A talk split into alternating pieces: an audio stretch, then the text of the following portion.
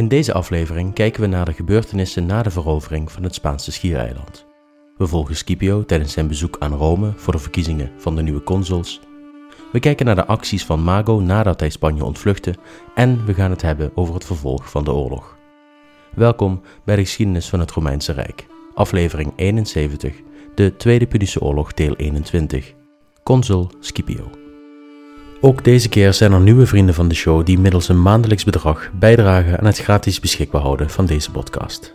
Deze keer wil ik in het bijzonder bedanken Barry, Jelmer, De Visser, Hans, Amon, Thomas, Ramon, Martijn, Leonard, Lau, Edwin, Florian, Daan, Johan, Pascal, Milo, Alex, Eddy, Leno, Thomas, Max, Hessel, Doron, Harry, Willem, Richard, Marieke, Sebastiaan, Pieter, Petra, Roy, Maxi, Bruno en Els. Iedereen hartstikke bedankt voor de donaties en wilt u ook vriend van de show worden en uw naam terug horen? Gaat u dan naar vriendvandeshow.nl slash dgvhrr en doneer. En dan gaan we nu beginnen met de aflevering.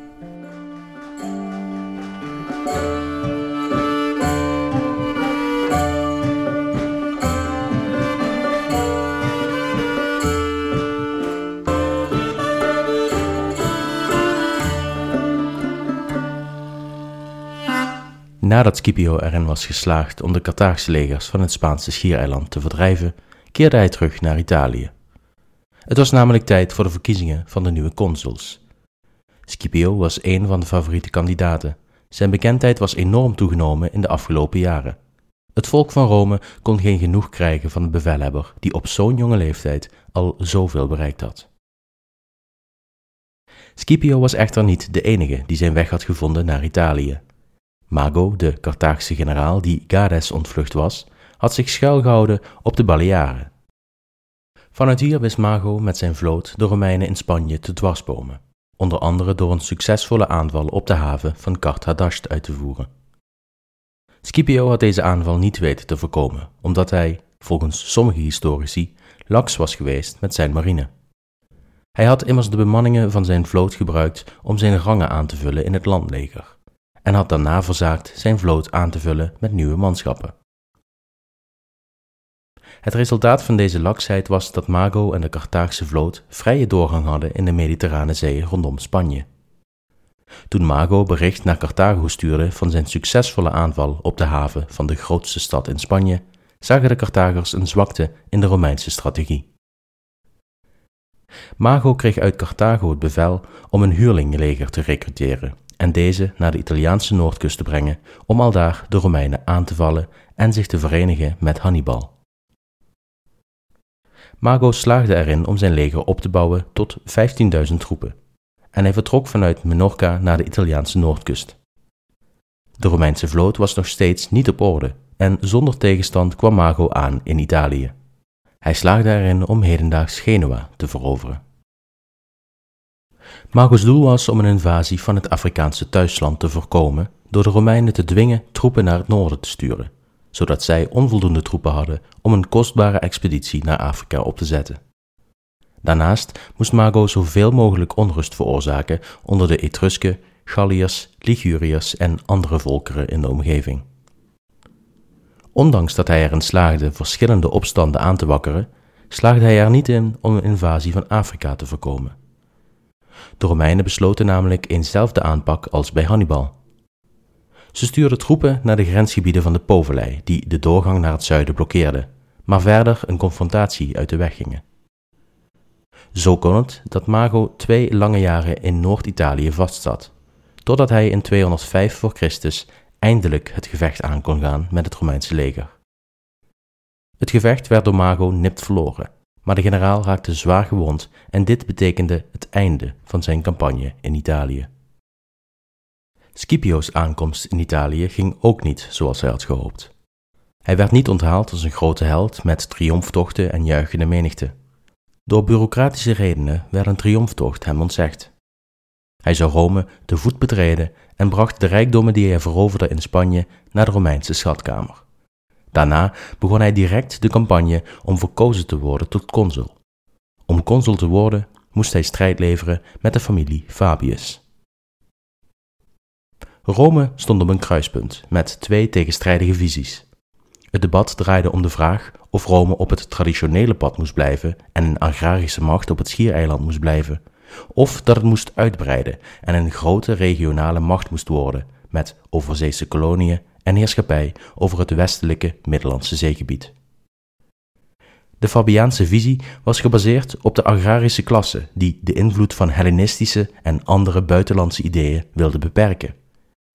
Hun doel was om de oorlog snel te beëindigen en vervolgens de wonden in het Italiaanse platteland te helen, zonder de oorlog naar Afrika uit te breiden of overzeese koloniën te vestigen. Scipio's visie keek naar overzeese expansie en handel voor de toekomst van Rome. Volgens Scipio dwongen Carthago's rooftochten in Spanje en Sicilië Rome ertoe om een wereldmacht te worden. Dit was de enige manier waarop de veiligheid van Rome kon worden gegarandeerd. Scipio voorspelde dat wanneer Rome Spanje en Carthago had veroverd, zij deze gebieden ook moesten blijven besturen. Anders zou men op de lange termijn het risico lopen op een nieuwe bedreiging van hun veiligheid. De zee rondom Italië was niet langer een voldoende veiligheidsbuffer, zoals gebleken uit de verschillende invasies van Italië. Met de verovering van Noord-Afrika en Spanje, zoals Scipio voorstond, zou de westelijke helft van de Middellandse Zee Mare Nostrum worden onze zee. Deze tegenstrijdige visies op nationale defensiestrategie leidden tot verschillende strategische en militaire opvattingen. De Fabiaanse strategie was defensief en gericht op uitputting, terwijl Scipio streefde naar een strategische beslissing door middel van overwinningen op het veld. Scipio begreep dat Hannibal verslagen moest worden in Afrika om politieke concessies van Carthago af te dwingen. Zijn strategie van vernietiging vereiste het ontdekken en vernietigen van het belangrijkste gewapende Carthaagse leger in een veldslag, om vervolgens politieke concessies af te dwingen. Scipio's strategische genialiteit kwam tot uiting in zijn besef dat Hannibal in Afrika verslagen moest worden. Als Scipio Hannibal in Italië had verslagen, zouden de Romeinen de oorlog waarschijnlijk als beëindigd hebben beschouwd, waardoor het moeilijk, zo niet onmogelijk zou zijn geweest om de Senaat en het Romeinse volk te overtuigen de oorlog tegen Carthago voor te zetten. Scipio begreep dat Hannibals nederlaag op Carthaags grondgebied moest plaatsvinden, zodat Carthago, eenmaal zonder militaire middelen voor de verdediging, geen andere keuze zou hebben dan toe te geven aan de eisen van Rome. Scipio hield een vurige speech in de Senaat om Rome te overtuigen van zijn strategie. Hij sprak: Italië heeft lang geleden, Laat haar een tijdje rust hebben. Het is Afrika's beurt om verwoest te worden door vuur en zwaard. Het is tijd dat een Romeins leger de poorten van Carthago bedreigt, in plaats van dat wij vanaf onze muren de verschansing van een vijandig kamp zien. Laat Afrika voortaan het oorlogstoneel zijn. Veertien jaar lang zijn alle verschrikkingen van de oorlog op ons neergekomen. Angst, nederlagen, verwoesting van onze boerderijen, het verlies van onze vrienden en onze zonen. Het is nu de beurt aan Afrika om hetzelfde lot te ondergaan. Scipio werd in 205 voor Christus met grote meerderheid verkozen tot consul, samen met Licinius Crassus, die tevens de Pontifex Maximus was, de allerhoogste priester. Al vrij snel nadat Scipio tot consul verkozen was, voerde hij de druk op de Senaat op om hem de controle over de provincie Sicilië te geven zodat hij de voorbereidingen kon treffen voor de laatste fase van de oorlog, de invasie van Afrika. De Senaat ging overstag. Er is oneenigheid over de troepen die Scipio meekreeg voor de voorbereidingen van zijn invasie, maar wij gaan uit van de meest geaccepteerde versie, die van Livius. Scipio nam de garnizoenen die op Sicilië gestationeerd waren als de kern van zijn leger. Het gaat om het zogenaamde vijfde en zesde legioen. Dit waren de overlevenden van de slag bij Cannae. Deze soldaten waren met pek en veren weggejaagd omdat ze in de ogen van het Romeinse volk als lafaards de slag bij Cannae hadden verloren. Ze werden afgedankt in Sicilië, waar ze oneervolle klussen kregen als de bewaking van steden en dergelijke.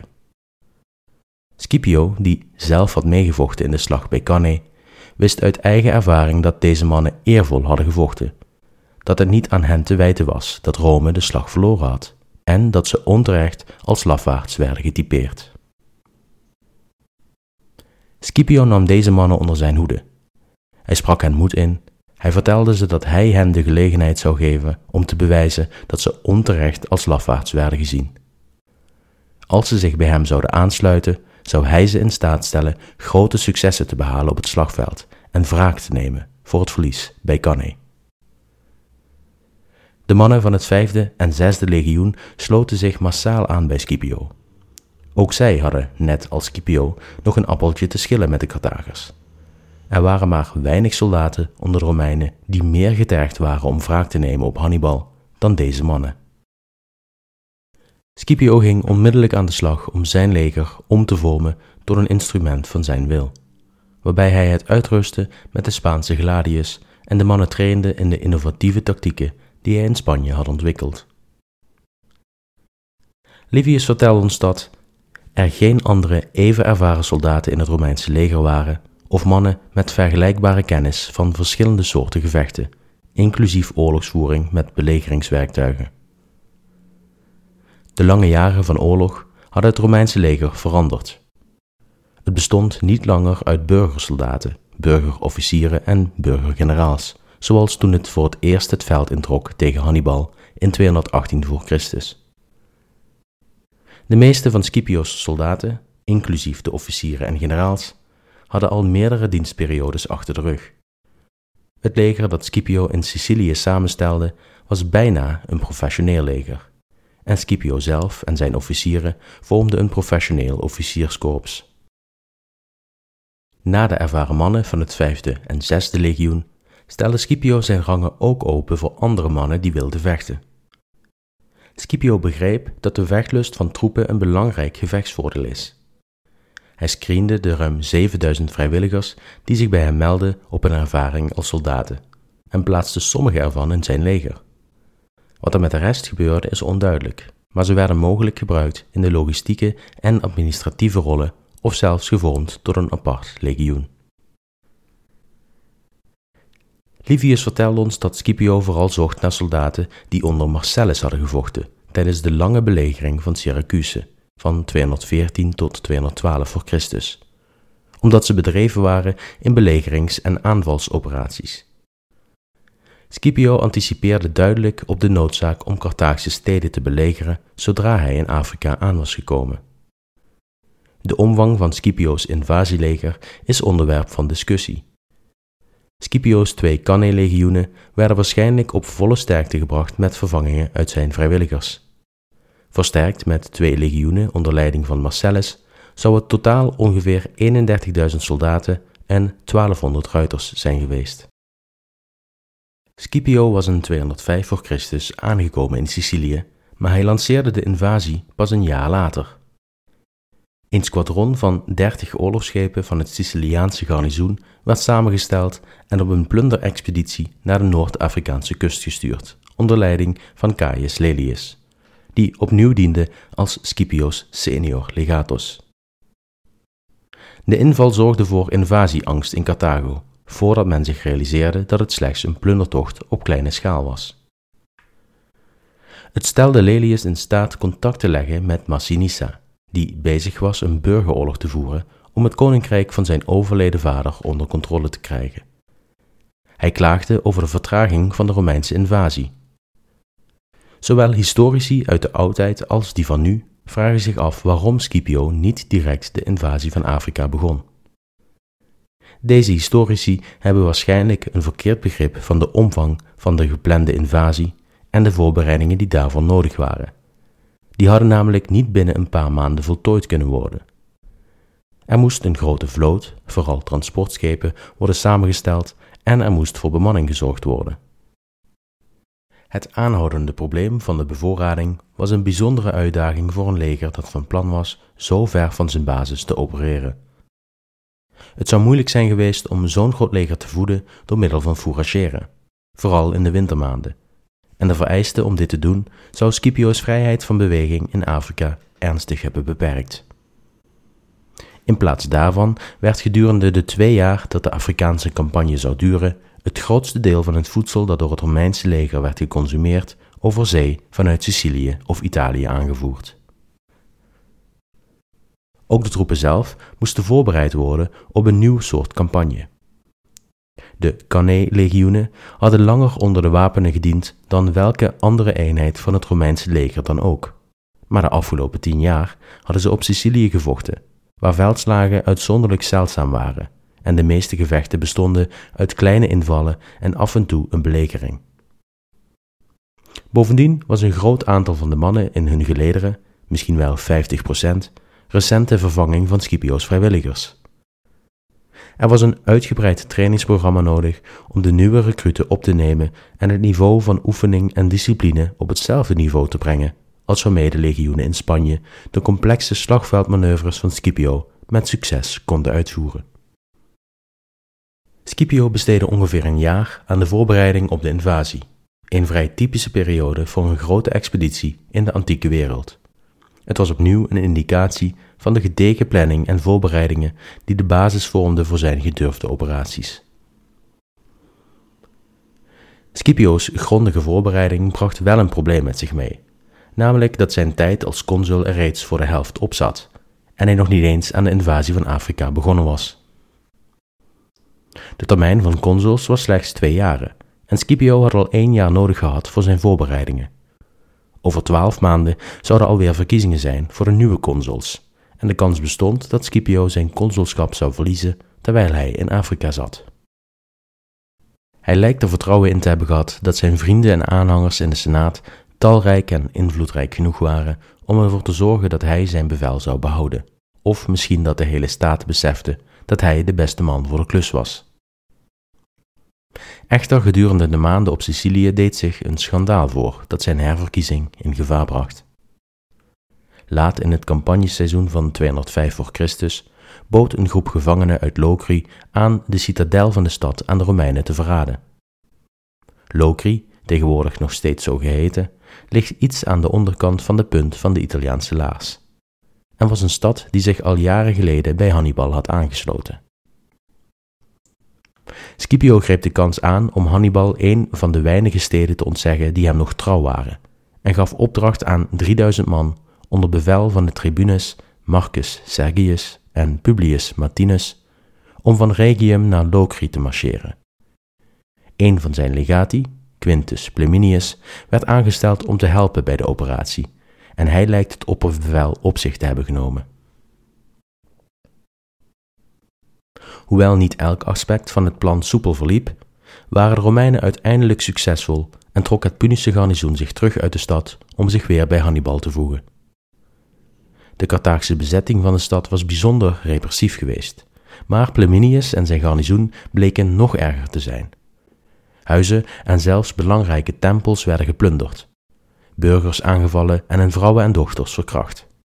De oorlog in Zuidwest-Italië bestond lange tijd uit brute plunderingen door beide partijen, en de troepen in het gebied waren verworden tot weinig meer dan bandieten en barbaren. Er ontstond een tweestrijd onder de Romeinse soldaten toen zich twee groepen vormden, één onder leiding van Pleminius en een ander onder leiding van de tribunes Segius en Martinus. Een gekibbel over de buit escaleerde tot een openlijke strijd, die werd gewonnen door de mannen van de tribunes. Als wraak beval Pleminius de tribunes te gezelen, een buitengewoon zware straf voor mannen van hun rang. Hij werd op zijn beurt aangevallen door de boze soldaten van de tribunes, op het hoofd geslagen en bewusteloos achtergelaten. Toen Scipio van de ongeregeldheden hoorde, zeilde hij naar de stad waar hij zijn legatus steunde. De tribunen werden gearresteerd en geketend om voor berechting naar Rome te worden gestuurd. De consul keerde vervolgens terug naar Sicilië en liet aan Pleminius de leiding over de stad over. Boos over wat hij beschouwde als de milde behandeling van de tribunes, liet Pleminius hen martelen en vervolgens executeren, waarbij hij de procedure herhaalde bij alle leiders van de stad die zich tegen hem durfden te verzetten. Uiteindelijk slaagden de Locriërs er begin 204 voor Christus in om tien ambassadeurs naar Rome te sturen, waar ze verslag uitbrachten over de vrededaden die in Locri plaatsvonden. Het nieuws veroorzaakte opschudding in de Senaat en leverde waardevolle munitie op voor de senatoren die tegen Scipio waren. De afgezanten van Locri rapporteerden dat er een klacht was ingediend bij Scipio op Sicilië, maar dat hij in beslag werd genomen door de laatste voorbereidingen van de invasie en Pliminius zo goed gezind was dat ze geen antwoord hadden mogen ontvangen. Fabius Maximus was opnieuw prominent aanwezig in zijn veroordeling van Scipio en beschuldigde hem ervan er niet in te zijn geslaagd de juiste discipline op te leggen aan zijn soldaten, die ook al in Spanje hadden gemuid. Andere geruchten deden de ronde over het gedrag van de jonge generaal, waarin werd beweerd dat hij gekleed in Griekse mode rondliep en een ontspannen levensstijl van Hellenistische aristocraten leidde in de badhuizen en gymnasia van Syracuse, terwijl het leger en de marine in verwaarlozing raakten. Ondanks verwoede pogingen slaagde Fabius er niet in om Scipio uit zijn bevel te ontzetten. Hij slaagde er wel in om Pleminius te ontzetten uit zijn bevel. De Senaat liet hem arresteren en naar Rome vervoeren voor berechting. Ondanks dat de Senaat Scipio niet zou ontzetten uit zijn bevel, kon zij dit schandaal in Locri niet zomaar voorbij laten gaan. Op typisch Romeinse wijze stuurde de Senaat daarom een commissie van tien personen naar Sicilië om Scipio's verantwoordelijkheid voor de recente misdaden te beoordelen. De commissie werd getrakteerd op een aantal dagen van rigoureuze parades waarin het leger en de vloot de vruchten van hun maandenlange training demonstreerden. Volledig tevreden hiermee en met de andere zichtbare tekenen van de voorbereidingen van de komende invasie, bevestigde de commissarissen de proconsul in zijn bevel en keerde terug naar Rome. Zijn enige fout was dat hij te veel vertrouwen had gesteld in zijn eigen ondergeschikte en dat hij de problemen bij Locri tijdens zijn korte bezoek niet goed had onderzocht. Scipio was nu klaar voor de invasie van Afrika. Met maar liefst 440 schepen in de havens van Sicilië en ongeveer 30.000 troepen paraat was de invasie aanstaande. In de volgende aflevering bespreken we onder andere de landing in Afrika en de slag bij de Bagradas. Voor nu wordt u weer bedankt voor het luisteren en een voorspoedig 2024 gewenst.